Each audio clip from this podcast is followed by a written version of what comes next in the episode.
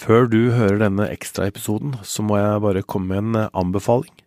For hvis du hører Krimpodden i appen Podme eller via VG+, får du hver mandag en egen eksklusiv episode. Den er kun til deg som abonnerer, og du får blant annet høre de gode krimdokumentarene som vi lager. I dagens episode så handler det om drapet på Janne Jemtland, tobarnsmoren som hadde vært på fest og som blei borte. Helt til funn av blod i snøen satte politiet på riktig spor.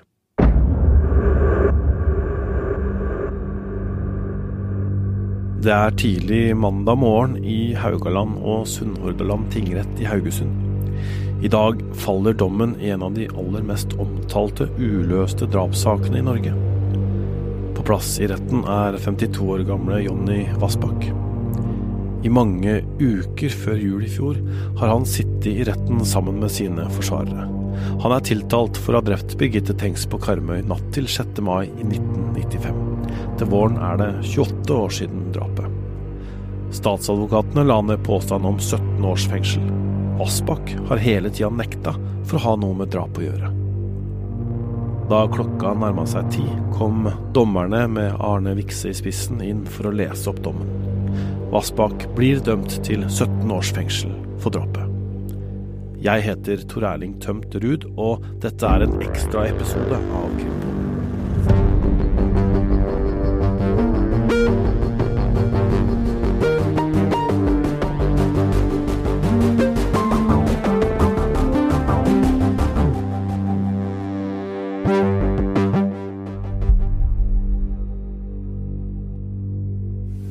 Ber jeg om at alle reiser seg.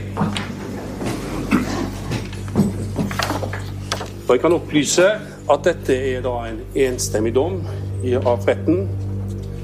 Domslutning 1. Jonny Vassbakk dømmes for overtredelse av straffeloven av 1902, paragraf 233, annet ledd, jf. første ledd, til fengsel i 17 år.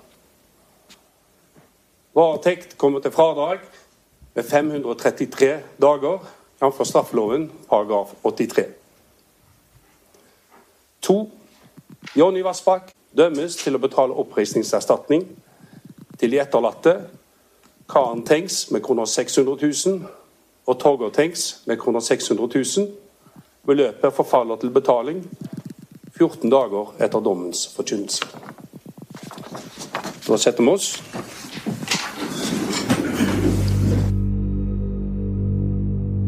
Det blei dramatisk da dommeren starta sin opplesning i dag. For den tiltalte falt i bakken da han fikk slutningen på dommen, som det heter, og retten måtte ta en pause. Etter en times pause så begynte dommerne opplesningen av dommen, som er på 101 sider. Øystein Milli, du er i retten i Haugesund og har uh, fulgt med på opplesningen i dag. Uh, tingrettens dom er jo klar. Jonny Vassbakk blei funnet skyldig og dømt til 17 års fengsel. Du som kjenner denne saken godt, Øystein, hva er din reaksjon på det? Nei, Det er jo sånn at retten da har lagt til grunn dette DNA-beviset som så sikkert at man kunne dømme Vassbakk for drapet. For det, det, det, står og faller på det. Uh, uten det DNA-beviset, som vi har vært inne på før, så ville det aldri vært en tiltale, og ja, da heller ikke noen dom. Uh, og så er jo nå retten i gang med å lese premissene. Det er en lang dom, 101 sider, så vi har jo ikke hatt mulighet til å Eller vi har den ikke fysisk ennå heller, men det er ikke tvil om at DNA er viktig også i dommen, og at man da har kommet til at det DNA-sporet som ble funnet på strømpebuksa til Birgitte, eh, i eller ved en blodflekk ganske høyt opp på strømpebuksa, det må ha kommet dit. Eller for det første så mener man at det tilhører Jonny Vassbakk, og man mener for det andre at det må ha kommet dit i forbindelse med drapshandlingen. Bare si det med en gang, da, at vi kommer tilbake på torsdag med mer om denne dommen. Da får vi jo den eh, fysisk, vi får lest den i ro og mak, og vi kan se litt hva retten vurderer her. Er ikke det sånn vi må jobbe, Stein? Jo, for det er helt umulig å få klarhet i det i dag. Vi hører jo selvfølgelig på hva som blir sagt, og nå ble det jo en forsinkelse, som vi kommer tilbake igjen til også, men det ble jo en forsinkelse i dag, og det gjør jo at, at uh, dommen er neppe ferdiglest før ja, 4.50, kanskje seinere òg i dag. Og så er det jo sånn at man leser heller ikke hele dommen, man leser to tredjedeler. Eh, og det betyr at vi må jo da sette oss ned og studere de 101 sidene før vi har full oversikt over eh, hvordan man har tenkt og hva man har vurdert og hva man har valgt bort av bevis og opplysninger i denne saken her. Så, så da kan vi komme grundig tilbake igjen til det på torsdag. Nå blir det mer en sånn eh, reaksjon her og nå på, og noen betraktninger i forhold til hva som har skjedd i retten i dag. Ja, for det som skjedde helt i starten ble jo dramatisk da Jonny Vassbakk eh, falt om. Eh, nå har du vært der og hørt hva som skjedde. Fortell. Ja, det var jo øh, en helt på å si, udramatisk oppstart. Man satte retten som avtalt klokka ti. Alle var på plass, inkludert Vassbakk. Arne Vikse han gjorde oppmerksom på at nå skulle han lese slutningen først, og så ga han litt praktisk informasjon om hvordan det skulle forløpe videre. Og så starta, og da er det, sånn, da er det veldig høytidelig. alle reiser seg når slutningen leses. og alle i salen sto oppreist, eh, og dommeren begynte da å lese, og da leser han ganske kort og greit navnet og fødselsdato og bostedsadresse eh, på den tiltalte. Og så kommer det da dømmes eller frifinnes for, og så kommer paragrafene som man er tiltalt for, da. Eh, og her var det jo ikke så mange paragrafer, men uh, han ble jo da ganske kjapt klar, klart for Jonny Vassbakk at han var dømt for drapet. Den første setningen uh, som dommeren leste, så, så, kom jo det budskapet frem. Og da gikk han i bakken, rett ned. og så så vi jo at den ene dommeren som ikke leste, oppfatta hva som skjedde, og vi hørte forsvarerne si at noe om at en ambulanse skulle komme, og så tømte dommeren eh, salen fort, mens eh, noen politifolk var rundt eh, Vassbakk og begynte å gi han bistand. Han ble lagt i stabilt sideleie, og man kalte da på både ambulanse og lege, og da forlot jo selvfølgelig alle, alle rettssalen. og Eh, det tok jo en liten stund før det kom en ambulanse med blålys, og så kom det etter hvert en lege, og det var vel en pause i retten her på en times tid før man øh, gjorde det klart at, at Vassbakk, som forsvarerne har forklart, fikk et blodtrykksfall. Han det har vært mye spenning knytta til den dagen for han. Han, han nekter jo skyld, og har jo sagt at han frykter et justis, justismord, og det har jo han da nå fått, i og med at han i hans øyer, i og med at han da er, er dømt. Uh, og da, da segna han om. Og så han ble da uh, undersøkt og vurdert av helsepersonell, uh, og frakta da tilbake igjen Ja, om han er i fengsel eller om han er et annet sted, det vet vi faktisk ikke, men i hvert fall frakta vekk fra retten. Og samtykka samtidig i at retten kunne fortsette opplesningen av dommen uten at han var til stede. Og da får jo han en papirkopi av hele dommen som han kan lese og kan gå gjennom sammen med forsvarerne sine.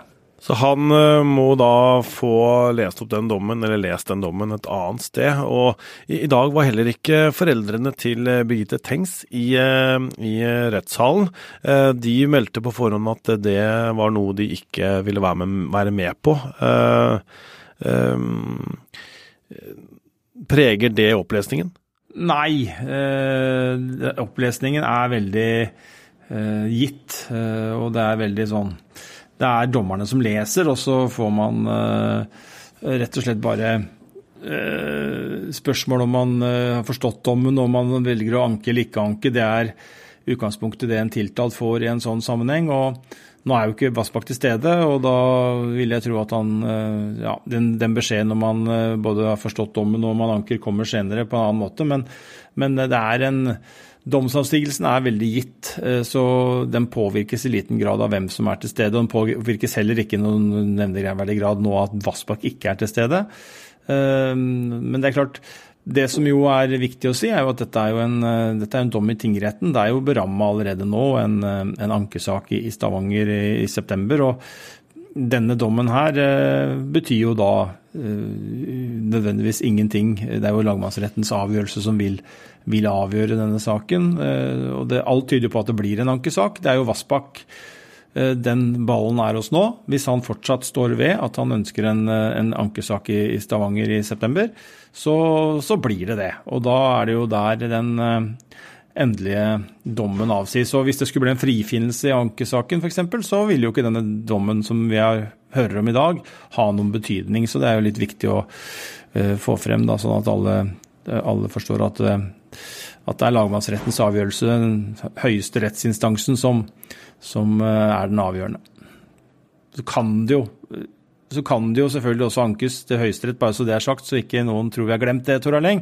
Eh, men, men, det er jo ikke da skyldspørsmålet. Det er eh, saksbehandlingsfeil, lovanvendelsesfeil, lovanvendelse og straffeutmåling som er de tre tinga du kan gå til Høyesterett med. og det, Da kan du få endra straffen, f.eks., eller du kan hvis det er en saksbehandlingsfeil, så vil det jo bli en helt ny behandling i enten tingretten eller lagmannsretten. Men det er altså aldri sånn at Høyesterett behandler en hel sak, straffesak i sin fulle bredde og avsier en dom, bare så ikke noen tror vi har glemt å påpeke det.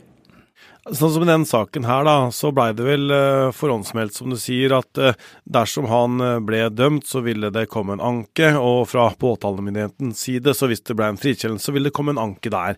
Hva, hva, er da egentlig vitsen med tingrettsbehandlingen? Nei, Det er rettssikkerheten vår det, som er sånn. Det er en toinstansordning. Den var ikke sånn for en del år tilbake. Eh, jeg har jobba med noen saker tidlig på 90-tallet, og da gikk de mest alvorlige sakene rett til lagmannsrett. Eh, men så fant man ut at man skulle ha toinstansbehandling av disse alvorlige sakene, og det eh, er jo bra, for da får man prøvd full bredde flere ganger. Og vi har jo sett det de siste årene. Flere ankesaker eller flere toinstanssaker som har Uh, Jensen-saken ble det jo til og med tre, fordi at der uh, oppheva jo fagdommerne juryens uh, kjennelse i, i, den første lagmannsrettssaken. Men, men, det er en del av rettssikkerheten som gjør at man skal få prøvd skyldspørsmålet to ganger for to uavhengige domstoler, sånn at man skal være enda tryggere på at resultatet er riktig. Og så vet vi jo da at Eh, vi har jo nå smertelig erfaring fra at selv om man har prøvd, i hvert fall fra, fra eldre tider, fra 90-tallet nå, så har vi, jo, har vi, jo, ferske eksempler på at selv ikke å prøve saken eh, to ganger, som man gjorde i Baneheia f.eks., er noen garanti mot at det begås feil. Og Så til denne opplesningen da, som, eh, som, varer. De leser ikke opp alle 101 sidene, men det er store deler av det. Hva er det, hva er det denne dommen egentlig da inneholder? Nei, Noe av det første som kom, var jo en veldig tydelig frifinnelse av fetteren. Eh, for å bruke frifinnelse i anførselstegn, da. Eh, for han er jo ikke tiltalt eh, for noe som helst. Men man har vært, brukt mye tid og plass på å, på en måte beskrive ja, det som egentlig er på godt norsk en skandale. Beskrevet hvordan manipulasjonen skjedde, hvordan han ble fratatt mulighet til å se på TV for å skulle sitte og tenke på dette avhøret han skulle eh, avgi, og den historien han skulle fortelle. Eh, som han har brukt veldig Gjort en veldig tydelig um, tydelig del av dommen handler om det. Og så er man jo nå i gang med DNA. Og så vil man jo etter hvert peke på vitner, man vil peke på Eh, dette med tidligere straffehistorikk. Man vil peke på det hvorfor man mener eller ikke mener at modus, altså Vassbakk er en moduskandidat.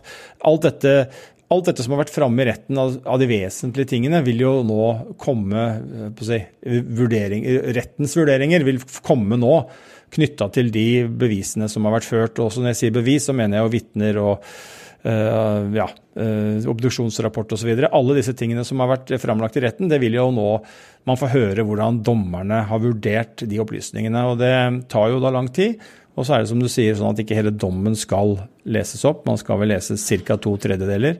Men det vil ta mange, mange timer å gjøre dette her. Mm.